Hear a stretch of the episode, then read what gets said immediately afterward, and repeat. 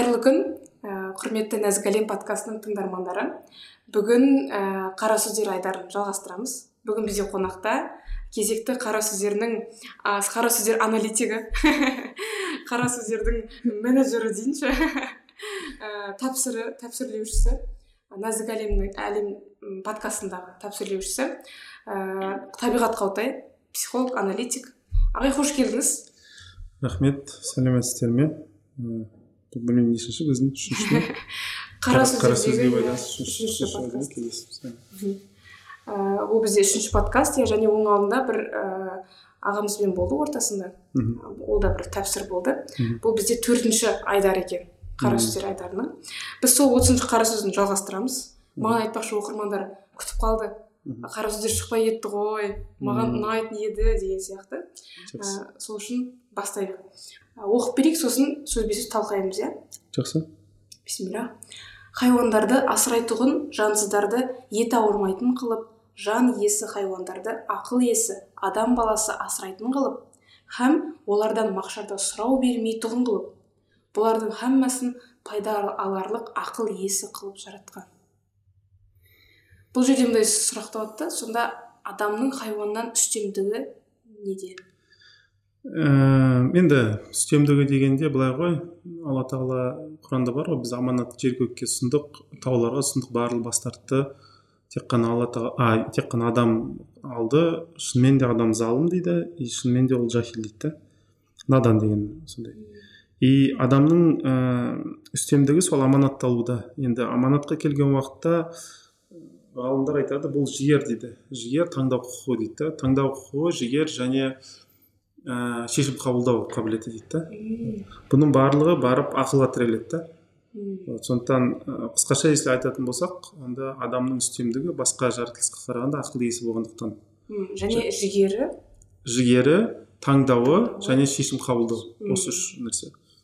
Ә, негізі ирада деп айтылады да бірақ енді ираданың ішіне бұл үшеуі де кіреді просто ондай сөз білмеймін қазақ тілінде бар ма жоқ па өйтіп бір сөзбен түсіндіретін. Және де ә, неге бұл бір дәлел? Екіншісі ақыл иесі дегенде адам алейхисаламды жаратар алдында періштелер таңғалады. Жер жүзінде қан төгетін біреу жаратасың ба дейді ғой. Сол кезде ә, аллах тағала айтады ғой мен сендер білмейтін нәрсені білемін дейді да сол кезде періштелер жаңағы тәубе етеді. Аллахым сен барлық ә, біз ойлағаннан неден пәксің тазасың деп жаңағы кешірім сұрайды.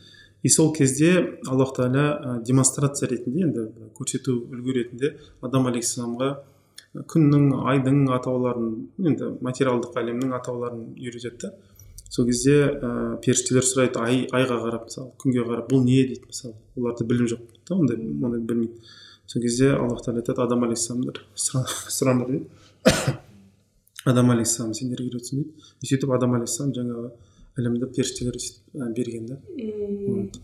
Енді бұның барлығы ақылсыз мүмкін емес та. Күшті. Енді келесі абзацта осы махшар туралы айтылды ғой. Және адам баласын осы махшарда сұрауында ыыы сұрауының хикметін бір түсіндіреді. Бір оқып кетейін. Адам баласынан махшарда сұрау алатұғын қылып жаратқандығында хам ғадалет хам махаббат бар. Адам баласында құрт құс өзге хайуандар секілді тамақты өз басымен алғызбай ыңғайлы екі қолды басқа қызмет еттіріп аузына қолы ас бергенде не ішіп не жеген білмей қалмасын деп иісін алып ләззаттан ләззаттанғандай қылып ауыз үстіне мұрынды қойып оның үстінен тазалығын байқарлық екі көз беріп ол көздерге нәзіктен зарардан қорғап тұрарлық қабақ беріп ол қабақтарды ашып жауып тұрғанда қажалмасын деп кірпік жасап маңдай тері тура көзге ақпасын деп қаға беруге қас беріп оның жүзіне көрік, көрік қылып бірінің қолынан келместей істі көптесіп бітірмекке біреу ойын біреуіне біреуі ойын біреуіне ұқтырарлық тіліне сөз беріп жаратпақтығы махаббат емес пе? Машалла иә? Бұл жерде адамның дене бітімін ыыы қаншалықты хикметпен жаратқандығы. Махаббатпен жаратқандығы иә? дене туралы айтады да бірақ негізінде меңзеген дене емес бұл жерде. Себебі бірінші сөйлемде былай дейді адам баласына махшарда сұрау алатұғын ә, сұрау деген ол неден сөз? Демек алла тағала адамды өзінің ә, былайша айтқанда собеседник деп айтуға болады ма?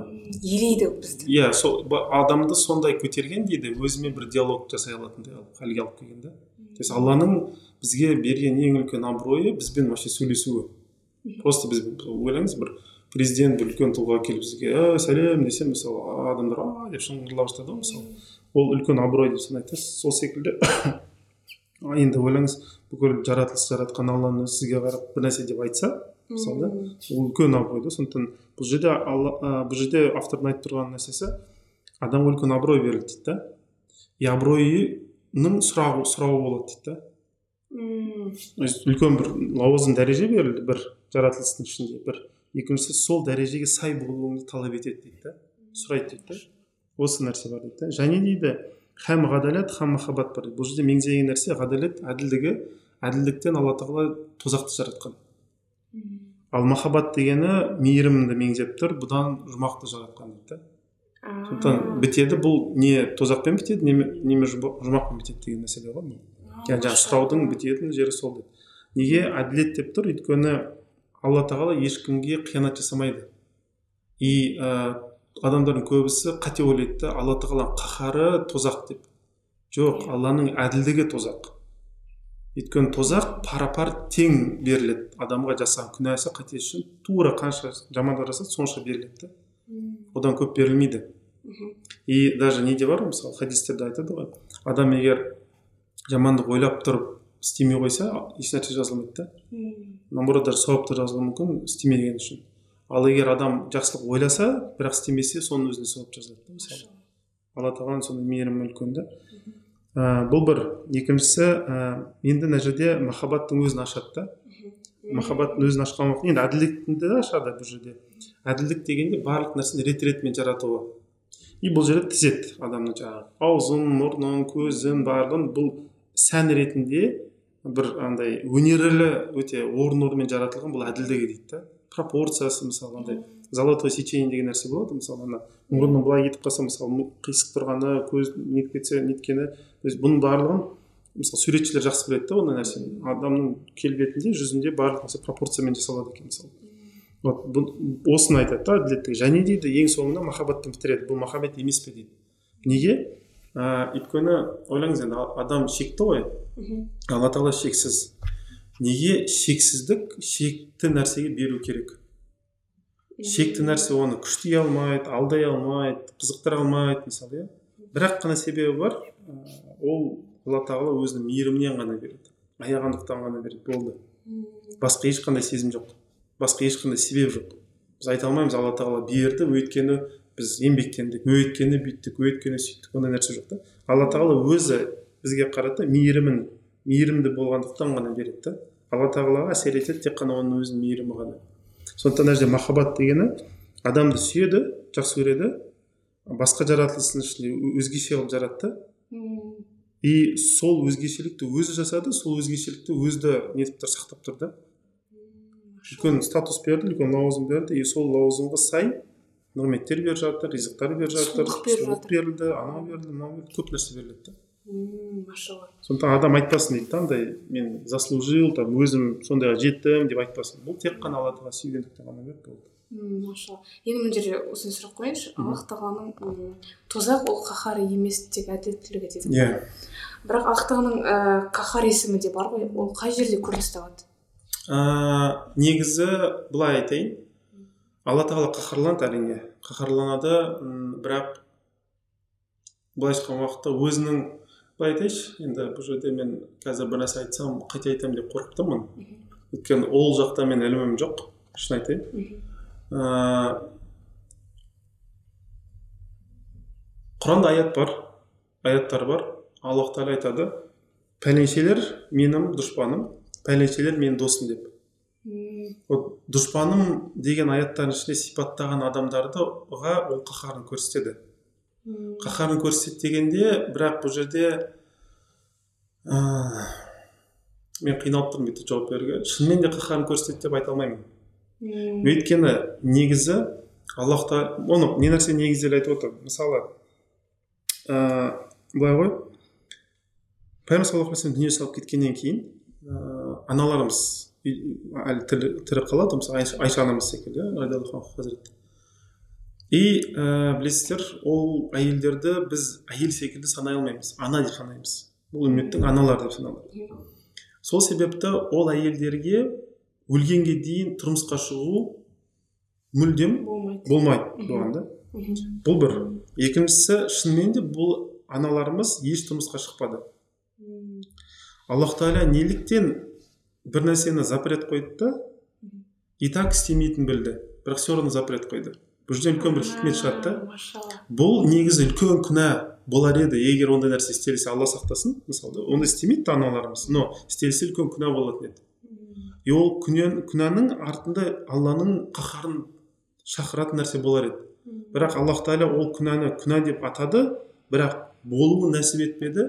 Осыдан шығады қандай үкім? Алла тағала қаһарының үлкен бір бөлігін жаратылысқа көрсеткісі келмейді. М, және қаһарлы болғысы келмейді. Иә болғысы келмейді. И айтады ғой менің мейірімім менің қаһарымды андай неткен азабымды андай озған дейді асып түскен мейірім асып түскен. Иә.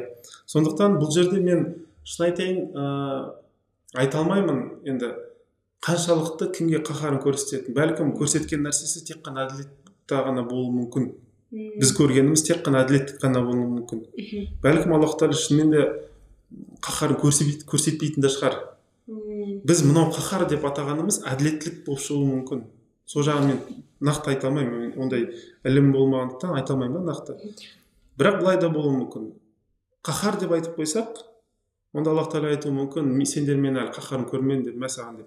Көрсетіп қоюы да мүмкін мысалы да сондықтан мен ол жағын білмеймін оны нағыз білетін араб тіліне андай шебер сондай адамдар ғана жаңағы хадисті аяттарды талдап сукундарымен несімен барлығын талдап точно айта алады нақты айта алады мынау қаһары кімге айтылған кімге айтылады қандай жағдайда не үшін айтылады деп мен айта алмаймын ол нәрсені ол, ол тек қана шынымен де араб тілін білетін сондай адам ғана айта алады да ал былай деп санай аламыз ба мысалға біз анамыз бізге ашуланады ғой. Мхм. вроде біз қаһарлы. Бірақ ол ашуланған кезде баласына ешқашан ұрып или зиян денесіне зиян келтірмейді да. Ол максимум з- ә, не істей алады? Шоколад мысалы ашуланып тұр да. Тәтті жеп қойды баласы. Иә. ашуланады шоколадтың бәрін алып алады.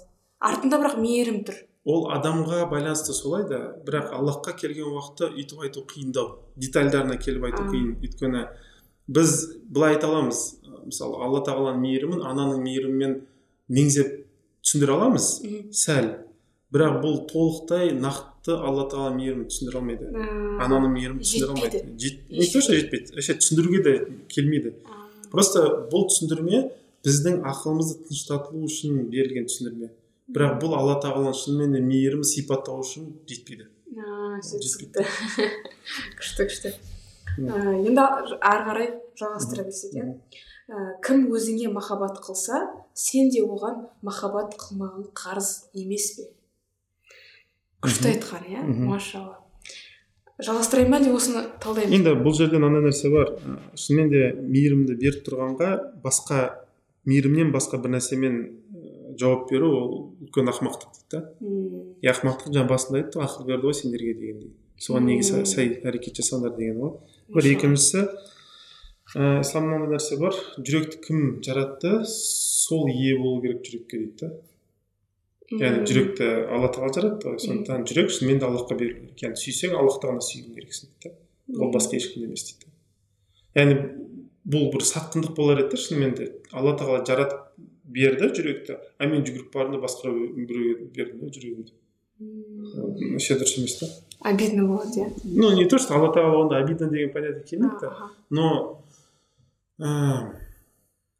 енді бұл сатқындық болады иә иә садық есімінің қарама қарсы болады десе де болады М, еще андай мына қара сөздерді мен қателеспесем мектеп кезінде оқыдым ба ә, сол кезде қатты осы сөз қатты әсер еткен мхм а жоқ мектеп бітірген кезде оқыдым бітіріп жатқан кезде мхм и м, парыз деген нәрсені енді енді түсініп жатыр ғой мхм. И сол кезде түсіндім да осы біз парыз намаз дейміз ғой енді. Бірақ ол парыз намаз емес аллах айт ой абай айтып тұрғандай кім өзіңе махаббат қылса сен де оған махаббат қылу қарыз емес пе? Парыз емес қарыз емес пе?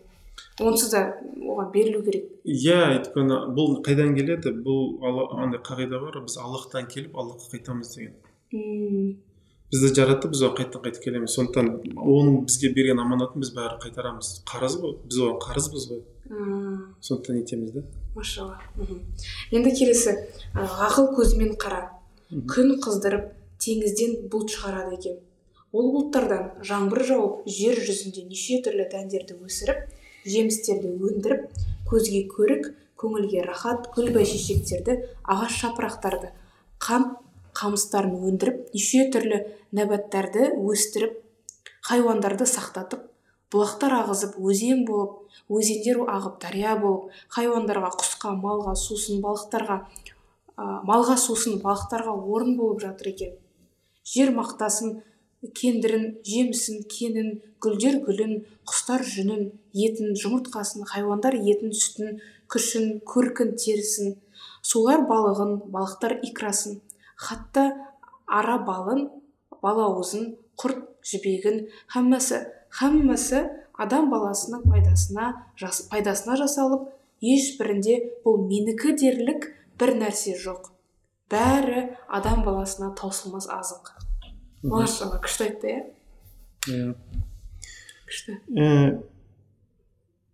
Бұны ә, мен бір нәрсе айта салайын. Біз алдында ғана ә, ризық подкастында төребек бекбаевпен айтқанбыз да. И ол кісі айтады ризық тегін дейді да. Мысалы су ішеміз негізі су тегін өзендер ағып жатыр бірақ біз мысалға суға екі жүз елу теңге болса біз ә, еңбек үшін төлейміз.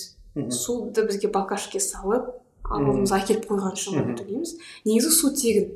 Аллах тағала бізге бәрін тегін береді да. Себебі ол шексіз жомарт. Ал біз шексіз мұқтажбыз. Оны алайық десек та ештеңе жоқ. Айырбастап алатындай иә. Дәл соны айтып тұр да мына жерде. Адам баласы таусылмас азық яғни таусылмас ризық. Хайуан да мал да балық та оның жұмыртқасы да оның барлық иә ол бар. және тағы бір нәрсе бар. Байқасаңыз адамның жүзінен бастады да. Кейін ә, табиғат әлемін сипаттап жатыр да бұл жерде негізі текстің ар жағында м жалғасып көріп тұрған жоқпын бірақ мынандай нәрсе бар. Ғалымдардың мысалы айтатын ә, бізде бар ғой ең бірінші аят ә, бисмиллахи рахмани рахим деген фатиха сүресінде де келеді барлық сүрелердің бастарында келеді бір, бас, бір сүреден басқа. Сол бисмиллахи рахмани рахимнің ә, тәпсірін жасағанда ғалымдар былай дейді. Ол жерде бисмиллах дейді аллахтың есімімен рахман және рахим дейді ғой. Үш дәреже бар дейді.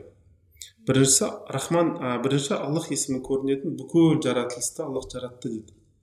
Барлық жаратылыс оның аллах есіміне бойынсұнған дейді. Да екіншісі ә, дейді мына жер жүзіндегі табиғат әлемі дейді. Бұлар дейді рахман есіміне мойынсұнған дейді. Да және адамның жүзіндегі ағзасы бүкіл жаңағы істеп тұрған нелері органдары бар несі бұлар дейді рахим есіміне мойынсұнған дейді. Да былайша айтқан уақытта негізі алланың бисмиллахи рахмани рахим дегендегі қойған мағынасы әлем жер адам деп. Яғни әлемге берілген маңыздылық жерге берілді дейді. Жерге берілген маңыздылық тек адамға берілді дейді. Бір адамға иә. Бір адамға иә. И бұл да неде мысалы хадиспен белгіленеді да айтады ғой егер бір адам имам етсе дейді бұл дейді күн сәулесі қанша жерге тисе дейді содан да хайырлы дейді да. Машалла сол қамтиды дегені ғой былайша айтқанда жер енді ойлаңыз андай күн сәулесі не нәрсеге тиеді? Біздің жерге түседі толығымен жаңағы Басқа планеталарға тиеді. қаншама жерге түседі содан да хайырлы деп тұр да адамның келуі. Сондықтан бұны былай да айтса болады. Алланың ыыы өзі бар мейірімі бар және ерекше мейірімі бар. Өзі бар дегені бүкіл әлемді жаратты. Мейірімі бар деген табиғат әлемін жаратты. Өзгеше мейірім бар деген өзгеше адамға үлкен бір лауазым берді дейді да сондай нәрсе бар да. Және табиғатқа мейірімді алла тағала ой алла тағаланың адамға деген ерекше мейірімінен табиғатқа мейірім болуы мүмкін иә? Иә мынандай да нәрсе айтуға болады. Мысалы алла тағала негізі бос нәрсе жаратпайды ғой. Мхм, бірақ дүние фәни болғандықтан өткінші болғандықтан негізі ол бос. Мм, бірақ алла тағала исключение ретінде неге бос нәрсені жаратты? Ол жерде себептер бар. Ә, өткен подкастта айттық қой соның ішінде мысалы алланың есімдеріне айна болады бір біз алланы танимыз. Екіншісі ііі біздің ғибадат жасайтын жеріміз. Үшіншісі ол о дүниеге алып баратын азығымыздың несі? Мысалы егін егістігі десе де болады мысалы. Ііі төртіншісі ііі жаңа бізді андай сынайтын жер деген секілді мысалы иә? Және ә, бесіншісі бұл әлемде біздің күнә қателеріміз қалып қояды кейін алла тағала оны жояды былайша айтқан уақытта алла тағала біздің қате күнәларымызды жоқ қылғысы келеді андай өткен шағымызды өшіргісі келеді да. И бұл жерде айтқым келіп тұрған нәрсе алла тағала бос болса да өткінші фәни болса да алла тағала соны өзіне жаратты. Неге жаратты? Өйткені оның артында тұрған ерекше бір мейірімі бар да алланың бізге беріп тұрған. Сол мейірімі даже бос нәрсені жаратуға да дайын. Десе де болады. Хотя алла тағалаға ә, бір нәрсені жаратып кейін оны ә, артқа шегініп жоқ мен дұрыс істемедім немесе мен мынадан бас тарттым деп ондай сипат жоқ алла тағалада. Алла тағала шексіз ғой шексіз дана. Бір рет шешім қабылдадым бітті қабылдайды. Ол шешімін өзгертпейді негізі. Бірақ бізге келген уақытта исключениялар жасайды. Мысалы мынандай айтуға болады кейбір аяттар болған уақытша аяттар болған құранда түскен. Мм. сахабаларда болады андай оқиға болады екен мысалы кейбір сахабалар таңертең тұрғанда ә, құранның кейбір жерлерін ұмытып қалады екен. Сосын бір бірлерін барып сұрайды екен. Мен бір нәрсені ұмытып қалдым бір аят болған дейді ұмытып қалдым дейді сен есіңде ме? дейді ол айтады а мен де ұмытып қалдым дейді. Мен де ұмытып қалдым дейді. Сол барып нетсе оказывается алла тағала ә, естерінен уақытша келген аятты өшіреді екен да оның орнын басқа аятпен басады. Екен былайша айтқан уақытта сондай аяттар бар уақытша ғана келеді бір үкіммен белгілі бір аз сәл уақытқа келеді да ол өшіріледі да оның орнына нетіледі хотя алла тағала бір нәрсені салды ма оны ол мәңгі да негізі алла тағаланың кәләмі мәңгі да. Бірақ сол кезде бізді тәлім тәрбие беру несінде сондай бір ыыы былайша айтқан уақытта- метод қолданған. Иә тәсіл қолданған да соның нәрсесі бар. Вот сондықтан сондай адамға деген ерекше мейірімінің соншалықты алысқа кеткені көрінеді да бұндай нәрселерде машалла ғаламнан тыс кетіп қалған иә? Жердің бе- бетін алып иә. одан тыс кетіп қалған иә махаббаты. ол адам еш білмейді да негізі қаншалықты алланың алдында маңызды екенін. И бұл жерде мынандай нәрсені айтуға болады. Мысалы адамдарда низкий самооценка болады мысалы. Неліктен болады. Ол өйткені алла тағаланың өзіне қаншалықты махаббатпен мейіріммен қарайтынын білмегендіктен. Егер білсе ғой самооценкасы дейді. Мм. бірақ неге самооценкасы түсіп кетті? Демек өзінің қаншалықты алла алланың алдында маңызды екенін білмейді. Еш хабар жоқ. Мм. вообще мүлдем хабар жоқ. А неге білмейді себебі? Алламен қарым қатынасы қарым қатынас жоқ бір екіншісі ондай нәрсені іздемейді да қайдан шықтым қайда бара жатырмын деп ойланбайды да. Ол мағыналықты ол маңыздылықты жаратылыстан іздейді өзі секілді. Адамдардан іздейді да. Ойлайды адамдардан алған нәрсе мен эго ә, самооценканы көтереді жоқ ол эгоны ғана көтереді. Өйткені ол біреумен салыстырғанда кіммін деген сұрақ. Самооценка алланың алдында кім дара өзім деген сұрақ та. Сондықтан самооценканы көтеру үшін алланың алдына бару керек. Эгоңызды көтерген десеңіз адамдармен жарысу керек. Машалла күшті. Енді келесіде былай жалғасады. Ә, миллион хикмет бірлән жасалған машина фабрик адам баласының рахаты пайдасы үшін жасалса бұл жасаушы махаббат бірлән адам баласын сүйгендігі емес пе? Кім сені сүйсе оны сүймектік қарыз емес пе? Иә енді бұл жерде тек қана ә, енді машина фабрик дейді да ә, бұл жерде мынандай нәрсе де меңзеліп тұр. Тек қана адам үшін жаратылған жоқ және де адамның қолымен жаратылған нәрсенің өзі де берілген нығмет дейді да мысалы жаңбыр көкөніс бұның барлығы алладан жер арқылы берілген нәрсе. Бірақ адамның өзінің ішіне де өнер салып қойған адам барады да машина бір нәрсе жасайды ғой ол да бір нығмет та. А сол айтып тұр ғой мына Иә. жерде машалла. Адамды алладан келген нығметті сол автор секілді жаратқан да. Сондай бір нәрсе де берген да енді былайша айтқан уақытта жоқтан жарату бар и бір нәрседен екінші нәрсені жарату деген нәрсе бар да. Жоқтан жарату аллахқа тән. Ә, ал бір нәрсені бір нәрсені жарату ол аллахқа да и адамға и адамға тән. Мысалы мысалы талантты бір кәсіпке айналдыру иә мысалы бір темірден алады да машина жасайды мысалы. Бір нәрсені бір нәрсені шығару деген секілді. Да машалла. Енді мына жерде бір сұрақ қоя салайын. Ә, сүйгенді сүю қарыз ісі болғанмен алла тағала құлдарына еш мұқтаж емес қой. Жоқ мұқтаж емес бірақ біз оған керісінше біз оған иә біз сүйген сайын мұқтажбыз. Және мынандай бір нәрсе айтып келеді мына жерде между строк берілген нәрсе. Адамның қолымен бір нәрсені жаратуы алла тағаланың. Ол адамға өзінің жаратылысына қалай қарайтынын үйрету мысалы адам өзінің баласының ішінен шыққан баласын мысалы мәпелейді өсіреді бүйтеді сөйтеді ғой. Соны ойлау арқылы құдай мен туралы қалай ойлайды деген түсіне бастайды да. Машалла. Мысалы адам қызғанады өзінің баласын біреуден иә? М. аллах та демек өзінің құлдарын қызғанады деген нәрсе бар да мысалы. Соны сезіну үшін жасалған да. Өйткені біз ә, барлық нәрсені зерттегенде оның қарама қарсылығымен зерттейміз да. Мысалы қараны аққа қарап түсінеміз ақты қараға қарап түсінеміз. Аштықты тоқтыққа тоқтықты аштыққа деген Ә, секілді. салыстырмалы салыстырмалы. Бірақ алла тағаламен салыстыру дегенде ешнәрсе жоқ қой. Иә. Алланың противовесі жоқ. Немесе қарама қарсылығы жоқ. Сондықтан аллахты қалай түсінеміз? Ал аллахты түсіну үшін адамға мен деген нәрсе берілген. Мен деген иелену ұстау өзің жасау деген сондай берілген да тек аллахқа ғана содан иә сол нәрсені өзіміздің менімізден өткізу арқылы аллахты түсіне бастаймыз. Алла алланың мысалы мейірімін қызғанышын махаббатын жұмсақтығын өзімізде болғандықтан соны аллахты түсіне бастаймыз сол кішкентай сипаттар арқылы. И бұл да нені ашады? Рух деген не деген уақытта аллах тағала өз рухынан берілген бір әмір деп айтылады ғой мысалы. Яғни қалай desem екен адамның рухын жаратқанда аллах тағала айтады мен өзімнің бір әмірімді салдым дейді да оның ішіне. И ә, соны меңзеледі да. То есть біздің меніміз сол нәрсе да. Машалла. Енді жалғасы мынадай. Адам баласы қанағатсыздықпенен бұл хайуандардың тұқымын құртып алдыңғылар артқыларға жәбір қылмасын деп малды адам баласының өзінің қызғанышына қорғалатынын өзге хайуандарды бірін ұшқыр қанатына бірін күшті қуатына бірін жүйрік аяғына сүйентіп бірін биік жартасқа бірін терең тұңғиыққа қалың орманға қорғалатып һәм әрбірін өсіп өнбекке құмар қылып жас күнінде бірнеше уақытында шафхат заһарыменен бастарын байлап қамқор қылып қамқор қылып қоймақтығы өсіп өніп адам баласымен теңдік алсын деп а теңдік алсын емес бәлки адам баласының үзілмес нәсіліне таусылмас азық болсын дегендік жә бұл хикметтерінің һәммасында һәм мархамат һәм ғадалат захир тұр екен. Мхм күшті айтты иә? Мхм. Бірақ мен мына жерін сәл түсінбей қалдым. А, адам баласы жаңағыдай қанағатсыздықпен бұл хайуандардың бәрін өлтіріп жібермес үшін дейді да? Иә. Бізде сондай бір не бар ма не сондағы егер Иә. хайуандарда бізде нәпсі деген нәрсе бар ғой.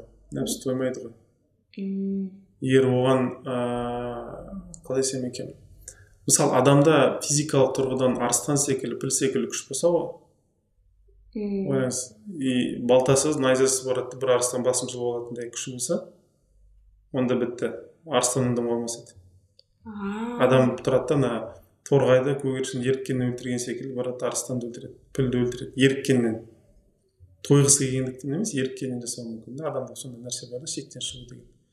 Сондықтан дейді бұл жерде жаңа хайуандарға андай физикалық тұрғыдан біраз не үстемдік берілген дейді да. Адам сүңге алмайтын жерге ұша алмайтын жерге қаша алмайтындай жерлерге қашатындай қылып сөйтіп жаратқан дейді да хайуанды просто так артынан бармайды да. Бір екіншісі бұл жерде адамның талабы үстем болуын меңзелген да. Былайша айтқан уақытта бір аттың артынан қуып жеткің келсе онда талапты болуың керексің дейді да. Бір хайуанның артынан қуып жеткің келсе онда талапты болуың керексің дейді да. То есть еңбекке де талаптылыққа да меңзеледі да бұл жерде. Сосын тағы не бар? Жануарларды бір біріне не қылып андай қамқоршы сөйтіп жаратты дейді да. Алла тағала мейірімі жаратылыстың ішінде көрінгенде былай көрінеді. Бір жаратылысқа күш береді және әлсіздік береді. Екінші жаратылысқа күш береді әлсіздік береді. Біреу біреуінің әлсіз жерін өзінің күшті жағымен жабады да. Мысалы ер адам өзінің күшімен әйелдің әлсіз жерін жабады әйел өзінің күшті жерімен ер адамның әлсіз жерін жабады да мысалы. Сол секілді жануарлар да сондай. Айтады ғой ана не табиғат әлемінде анау мынаны жейді мынау мынаны жейді иә, мынау иә. мынаны жейді деген секілді. Сондай нәрсе жаратылған да. Бір бірін бүйтіп нетіп тұратын алмастырып тұратын нәрсе да. И мына жер жүзінде енді адамзаттың мысалы миллиардтан адам өтіп өліп келеді өледі келеді өтеді бұл планетаны алла тағала сондай жаратқан өз өзін тазартып тұра алатындай қылып жаратқан да. Ал ол үшін табиғат әлемін жаратқан да. Мысалы айтады ғалымдар егер дейді шыбын шіркейлер мысалы өліп қалса дейді масалар ма или шыбындар туралы айтты ғой бір мақала бар тын солар өліп қалса дейді үш төрт күннің ішінде жер жүзін қоқыс бастап басып кетер еді дейді да. Бір апта ма сондай көлемінде қоқыс басып кетер еді деген нәрсе бар. Өйткені олар жаңағы қоқыстарды жеп қолданып сөйтіп жүреді да постоянно тазартумен немен айналысады да. Машалла. Сондай не бар? Зерттеулер бар? Ә, жай кішкентай бір даже андай бір андай біз бос деп ойлайтын бір шыбын шіркейдің өзі үлкен бір рөл ойнайды екен да экосистемада. Бірақ біз оны ойламаймыз андай бос нәрсе деп мысалы тарс еткізіп өлтіре саламыз бірақ егер де шынымен де табиғат әлемінен жоғалып кетсе олар бітті. Онда табиғат әлемін тазартатын ешкім болмас еді дейді да тіпті шыбын екеш шыбынның да үлкен қызметі бар. Иә. Мысалы қарасаңыз адамның бөл, тұратын бөлмесі мен табиғат әлемін қарасаңыз мхм. екеуі қайсысы таза десеңіз табиғат әлемі таза болып тұрады да. Адам тұратын, иә. өйткені адамның бөлмесі өзіне қалдырылған да. Табиғат әлемі алланың несінде әмірінде тұрған нәрсе да. Сондықтан табиғат әлемі үнемі тазарып тұрады біз өзіміз барып табиғат әлемін кірлетеміз да наоборот. Иә мына жақта ә, сахарменен деген сөз көмектесу бір бірін қорғау өнері. Иә. Иә. Машалла. Және соңында ә, мархамат һәм ғадалет захир дейді да соның астында тұр. Арабша сөз екен айқын әділеттілік деген білдіреді екен да иә соны көрмейсің ба деген ғой а машалла. Алдында тұрған нәрсені қалай көрмей тұрсың деген мағына. Келесі абзац. Біз ортамызда бұл марха- мархамат жан ашу жақсылық іс жасау деген білдіреді екен біз ортамызда бұл мархамат ғадалетті иманның шартынан хисап қылмаймыз. Оның үшін мүслим болғанда алла тағалаға таслим тәслим болып оның жолында болмақ едік болғанымыз қайсысы бұл ай мен күннен артық мағлұм тұрған жоқ па? Мен тым түсінбедім қазір ашайын енді мен түсінгенім былай. Мына мейірім дейді қанша мейірімнің ішінде жүрміз ғой дейді да ортасында. Біз ортамызда бұл мархамат дейді ғой ғадалетті иманның шартынан хисап қылмаймыз. Оның үшін мүслим болған алла тағала тәслим болып оның жолында болмақ едік. Болғанын қайсы? Енді алла тағала осының қарсылығы ретінде бізден иманның шарттарын сұрайды талап етеді. Және де дұрыс жолда жүріп оған тәслим берілуді талап етеді мүслим болуымызды дейді да. Сол сонымыз қай жақта жатыр дейді енді неге біз осы қаншама нәрсеге жаңа жоғарыда айтылған нәрселерге соған қарсылық ретінде иман шарттарын неге орындамаймыз дегенге келтіріп отыр деп ойлаймын. Бұл ай мен күннен артық мағлұм тұрған жоқ па еді? Күн мен ай да анық емес па дегенге келтіреді да. А машалла. Күшті күшті күшті. Енді ары қарай жалғастырайық фиғылы құданың құдайдың деген сөз ғой иә бұл. Ә, фи- фиғыл деген не? Ә, әрекет. Пиғыл дейді ғой қазақша. Ә, әрекет ә, етістік десе де болады. М, құдайдың әрекеті. А фиғылы құданың ешбірін де қарар қылмаймыз. М, өзгелерде болғанын жек көрмейміз. Өзіміз тұтпаймыз. Бұл қиянатшылық емес пе?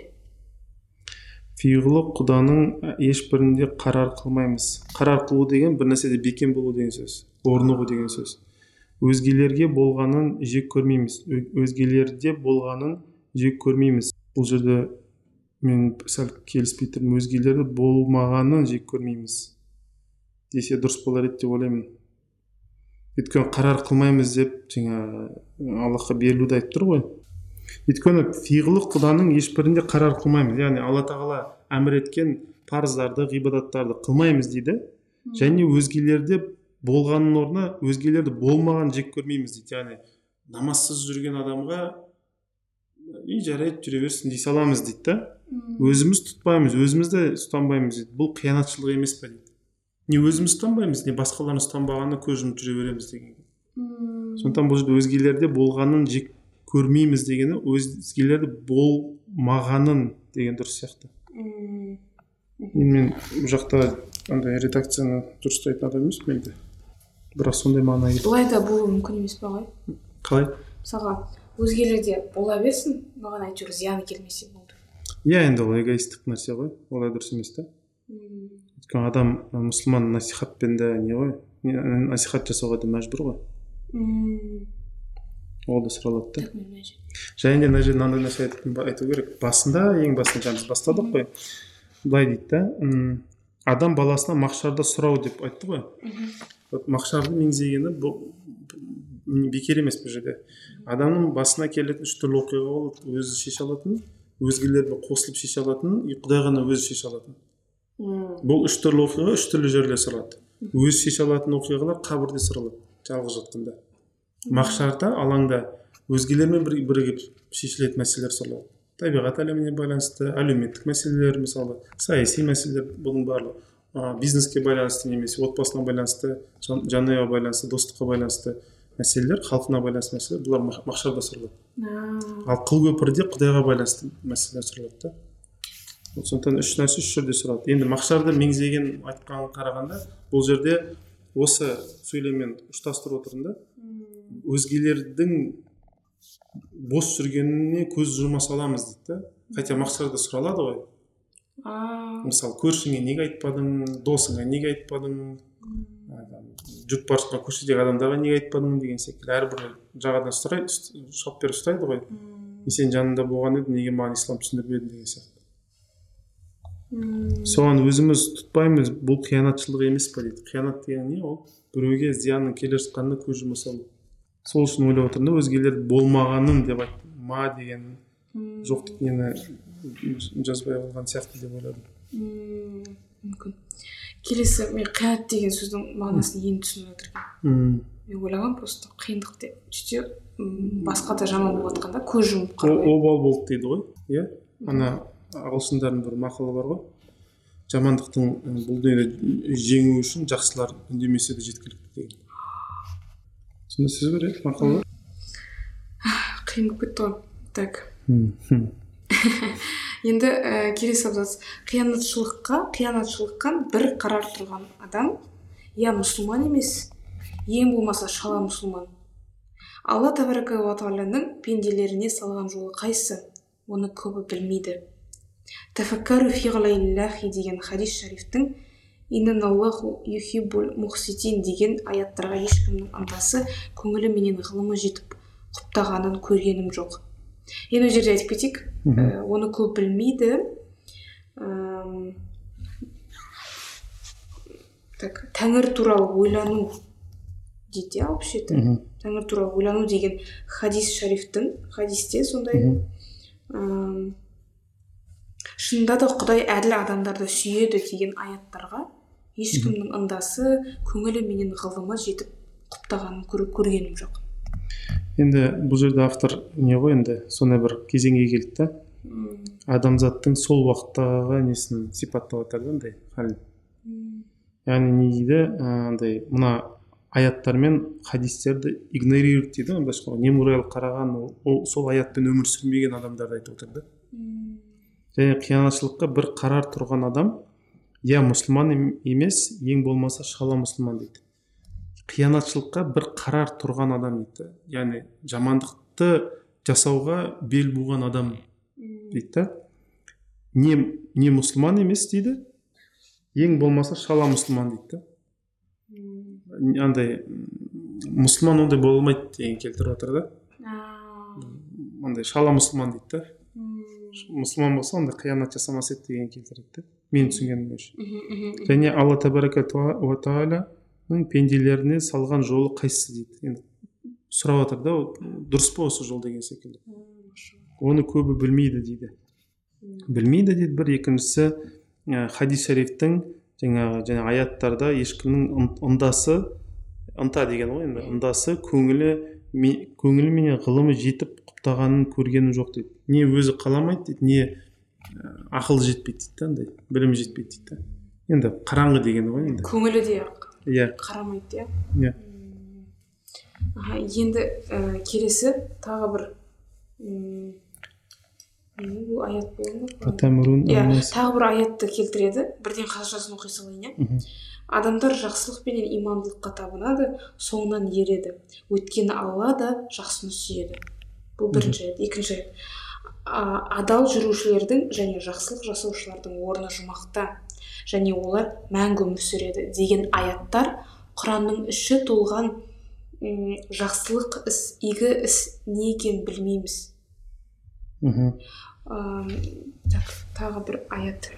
Ал адал жақсы іс атқаратын адамдар оларға берілген жақсылықты қайырымдылықты толық қайтарады. Өйткені құдай залымдарды сүймейді деген аятына қарасаң ы, аятына қарасаң қарама қарсы дейді. Да так иә а, ға- а, ғамалус салих залым, залым, залымдықтан қарама қарсы болар.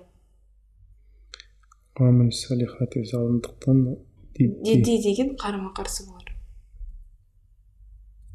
А зыдды м, дұрыс. Түсінбедім бірақ мен. Ну мынандай айтып тұр да. Жаңағы қараңғы халық туралы айтып тұр. И қараңғы халықтың жасамаған нәрселерін айтып тұр да соны жасамаған нәрселердің іштеріне жаңағы әділеттілікті жақсылықты үндемеу ұстанбау соған итермелемейді дейді да хотя негізінде айтылған дейді егер істесең жұмаққа барар едің дейді да былайша айтқан уақытта айтқысы келіп тұрған нәрсе мен жұмаққа түспейтін адамдардың арасында жүрмін дейді да сондай келтіреді да және де салихати залымдықтан дейді болар дейді да енді андай сендердің жасап жүргендерің теріс дейді. Да салих амалға жақсы амалға қарама қарсы. Нәрсе жасаватсыңдар дейді да мм, бәлкім былай да айтуға болады бұл ә, сол кездің саясаткерлеріне де айтылған нәрсе болуы мүмкін. Или сол уақыттың екі жүзді мұнафықтарына да айтылған нәрсе болуы мүмкін. Өйткені мұнафықтар не істейді? Біз жақсылықты ғана қалаймыз дейді да баратып жа- жаяды ғой жамандықты кәпірлік жа- жаяды ғой. И бұл жерде бәлкім автор айтқысы келіп тұрған нәрсе сендердің істегендерің мен айтқан нәрселерің бір емес дейді мм, сендер екі жүзділсіңдер деген келтіріп отыр да. И бәрі бір күні келеді да алла тағала соның бәрін паш етіп ашады.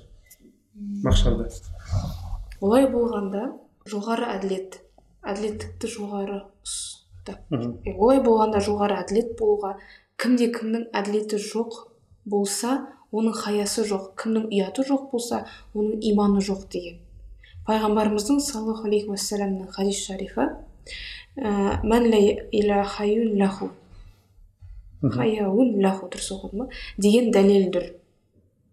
Мына жерде мен бірден несінің мағынасын оқып жібердім да олай болғанда ғадалет ға- ә, ғафрат болуға кімде кімнің әділеті жоқ болса дейді. Оның хаясы жоқ. Ал кімнің ұяты жоқ болса оның иманы жоқ деген. Енді бұл жерде ә, мысалы соңғы несін айтып тұр енді белгілі иман құр инанышпен инаныш деген сену болмайды. Ғадалят уа ра- рафқат бірлән болады дейді. Яғни сенсең дейді сондай сипатта болуың керексің дейді. Ол сипаттардың ішіне не кіреді дейді? Әділеттік кіреді дейді. Ұят кіреді дейді. Міне кімде кім әділетті жоқ болса оның хаясы жоқ дейді. Кімнің хаясы яғни ұяты жоқ болса оның иманы да жоқ дейді. Енді ыыы андай сөз бар ғой қазақтарда альхамдулилlah бізді мұсылманбыз дейді ғой мысалы. Бірақ еш бетінде ұят жоқ еш әділетті емес деген сияқты. Атыңа затың сай емес деген келтіріп тұр да. И хадиспен соны нетіп тұр негіздеп тұр.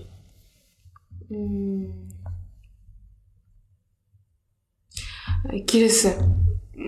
Абзацта былай дейді. Ғамалу салих ғадалетті уа мархаметті болмақ құр құр тәнбірлән қылған құлшылықтардың ешбірі ғадалетті мархаметті бермейді. Көзін күнде көр- көреді намаз оқушы ораза тұтуш- тұтушылардың тұтушылардың не хал не халатта екендіктерін. Оған дәлел керек емес. А тән бірлән деген денемен қылынған намаз дейді. Жаңағы ғибадаттар дейді. Ол дейді ешқайсысы әділеттілікті жаңағы сипаттарды бермейді дейді. Мархаметті бермейді. Иә. Айтқысы келіп тұрған нәрсе? тән бірлән деген сөз иә тән деген иә тән тән- тәнменен деген сөз ғой. Денемен жасалынған нәрселер дейді. Бұл нәрсені бермейді дейді. Айтқысы келіп тұрған нәрсе амал жеткіліксіз ниет дұрыс болу керек дейді. Ниет дұрыс сонда дейді. Да иә көзін күнде көреді ғой дейді иә намаз күнде көреді иә. Ораза тұтушылардың не халатта екендіктерін қандай халде екенін иә. Иә қандай халде екенін. Былай айтуға да болады. Енді бұл жерде нені де қосуға болады. Бәлкім сол уақытта намаз қылып жүрмін ғой дұрыспын ғой деп бірақ басқа істейтін нәрсесі нашар болуы мүмкін да? Өтірік айтады ұрлық жасайды тағы бір нәрсе деген сияқты енді сол ғадалет туралы айтады келесі абзацта бәлки ғадалет барша ізгіліктің анасыдыр. Ынсап ұят бұл ғадалаттан шығады оның үшін ғадалаты адамның көңіліне келеді. Мен өз көңілімде халық маған сондай мұндай қылықтарменен мұға, мұғамәлә қылса қылса екен деп ойлап тұрып өзім сол халықпен бірге мұғамәлә қылмағандығым жарамайды ғой деп сол өзі әділет әділет те және ынсап та емес пе? Ол хамма жақсылықтың басы емес пе? Жа олай құлықпенен сол ойды ойлаған кісі шүкірді неге ойламасын? Енді айтқысы келіп тұрған нәрсе мынау ыыы әділет. жақсы сипаттардың басында анасы ретінде әділеттілікті айтып тұр да. И өзің өзіңе әділет біреудің саған әділетті болғанын қалайсың бірақ өзің неге басқа әділетті емессің дейді да. Соны ұстансайшы дейді да. Өзің қалай қалайсың солай ұстансайшы дейді да. Және дейді ол хамма жақсылықтың басы емес пе дейді осыдан бастасайшы дегені. Жә олай құлық пенен сол ойды ойлаған кісі халақыны шүкірді неге ойламасын дейді. Егер сенің мінезің дұрыс болса ғой дейді мінез құлқың дұрыс болса онда сен жаратушыңа да шүкір етуді ойлайсың ғой дейді да. Бірақ мен басқаша айтар едім. Негізінде жаратушыға жаратушыны ойласа адам сол кезде сондай мінез құлық пайда болады да адамда. Шын ба? Иә. Мысалы адам құдайдан қорықса ғана әділетті болады. Құдайдан қорықса ғана ұятты болады да. Мысалға омар бар ғой. Мхм. Ол мысалға қалай айтуға итақты әділет дейсіз иә итақты әділетті болды ол әділетті да бірақ андай әділеттілік болады да. Алла тағаланың адам үшін салып қойған барлық жақсылығы өзінен алладан өзінен. Просто оны признавать ете ма или осознание келе ма ол адамның өзіне байланысты нәрсе. Иә кейбір адамдар болуы мүмкін вообще атеист бірақ өте әділетті иә. Бірақ ол адамның өзінен емес алла тағала ішіне сол сипатты салып қойған и ол өзі хабар жоқ. Бірақ алланың сол несін ә, сипатына әділеттік сипатына айна болып тұр бірақ өзі одан хабары жоқ. Мм ішінде алла болғасын ол сондай. Жоқ алланың алланың бір есімі сипаты. андай айна секілді көрінеді бірақ оны өзі мойындамауы мүмкін. Түсіндіре алдым ба Мм, машалла. То есть аллах тағала ішіне салмаса жақсы сипат ондай жақсы адам болмас еді. Мм, соны айтқым келіп тұр да? Машалла.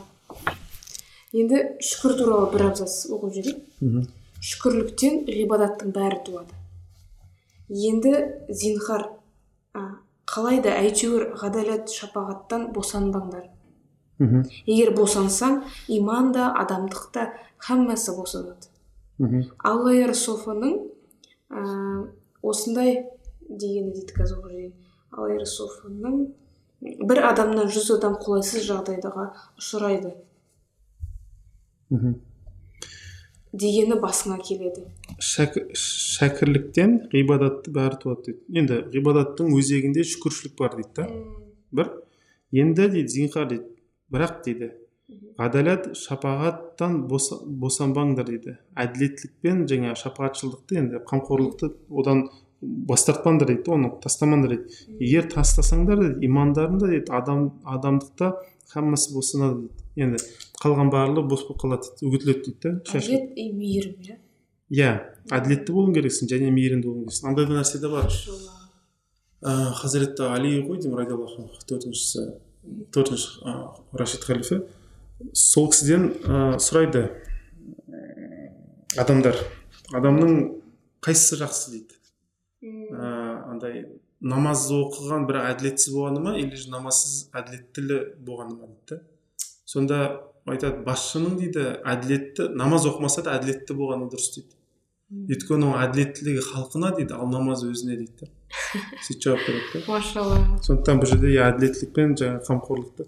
Мен бұл жерде бір түсінгенім әділеттілікті көп айтып тұр. Бұл әділеттілік басшыларға көп меңзелетін нәрсе да. Сондықтан меніңше мына жерлерде мына жазылған нәрселер басшыларға айтылған меңзеу. Жай ғана халыққа емес халықты билеп тұрған кісілерге айтылған меңзеу да. И мақшар деп тұрғаны сол билікте отырған адамдар именно мақшарда көп таяжады да А, сол жауап береді. потому что отношение иә мысалы баласы ата анасына күнәсін жаза алады әйелі күйеуіне күнәсін жаза алады халқы басшысына күнәсін жаза алады да мақшарда мақшар бекер не жазылмаған мақшар сондай бір жер адам өзі жасамаған күнәсі басқа біреуден жазылады да мойнына. Мысалы мен біреуге жауап берсем ол адам барып жаман бір күнә жасап қойса бірақ мен өмірде жасамағанмын ол күнәні. Ол күнә маған жазылады да как будто мен жасаған секілді аллах тағала сізді сол кезде құтқарған ба жоқ ол жасамаған иә ондай бар әрине бірақ заңдылыққа байланысты келетін болсақ мен кім үшін кімнің орнына шешім қабылдадым сол адамның өміріне жауаптымын иә кім шешім қабылдайды сол жауапты өзіне алады және де мына жерде жалғасында аллаяр софының бір фәрдадан жүз фәрда бижай деген басына келеді деген бір құмалақ бір қармай шіртеді деген сөз яғни бір адам бұзық болса қалған бәрі бұзылады деген ғой машалла. Ағай бұл қателеспесем арабша сөз иә? Сонда менің сұрағым олар арабша прям күшті түсінді иә? Негізі былай айтайын мысалы бізде ыыы түйе де- түйенің синонимдары қырық шақты ма сондай сөз бар? Нар жаңа бота деген кете береді бізде. Араб тілінде сексен. Мм. яғни мен ойлаймын сол қырықтың несі сол ә, сексеннен шыққан шығар деп ойлаймын да. Былайша айтқан уақытта біздің көп негізі сөздеріміз араб тілінен келген ғой. Енді орыстар бізді отарлаған уақытта бекерден бекер ыыы төте Тілмен жазудан иә төте жазуды қалай не үшін бізді кириллицаға ауыстырып латиницаға ауыстырып өйткені сол біздің жаңағы араб тілін ыыы нетсін ұмытсын деп және арабша ойлауды ұмытсын ұмытсын деп. Біз өйткені араби ойлайтын едік та мысалы. Терең ойлайтын едің? Иә и андай не ыыы тілдің шеберлігіне байланысты адамның ой өрісі ауқымды болады. Біз тар ойлай бастадық. Орыс тілі қанша дегенмен рухани тіл емес. Мхм бірақ біз орысша ойлаймыз қазір. Иә. Иә қазақ тілі более рухани тіл. Иә даналықтың тілі Иә. сияқты. ал м, араб тілі араб тілі одан да терең да машалла күшті. Енді қалған қалған подкасттарға қалдырайық иә? Осының өзі біраз азық болады деп ойлаймын. Оқырмандарға. Машалла және мына жерден басқа бір тақырып ашылайын деп тұр екен сипаттар ашылады екен келесінде келесі рахмет көп көп. Сіздерге рахмет. иншалла осылай сауатты талдау ә, бұйырсын. Жақсы. Оқырмандар иншалла түсінеді жүректеріне жетеді. Ақылдарына азық болады деп үміттенеміз. Әмин сау саламатта болыңыздар. Рахмет сау болыңыздар. А, подкастты қолдағыңыз келсе төменде реквизит көрсетемін. Сол жақта қолдай аласыздар. Ендеше сау саламатта болыңыздар.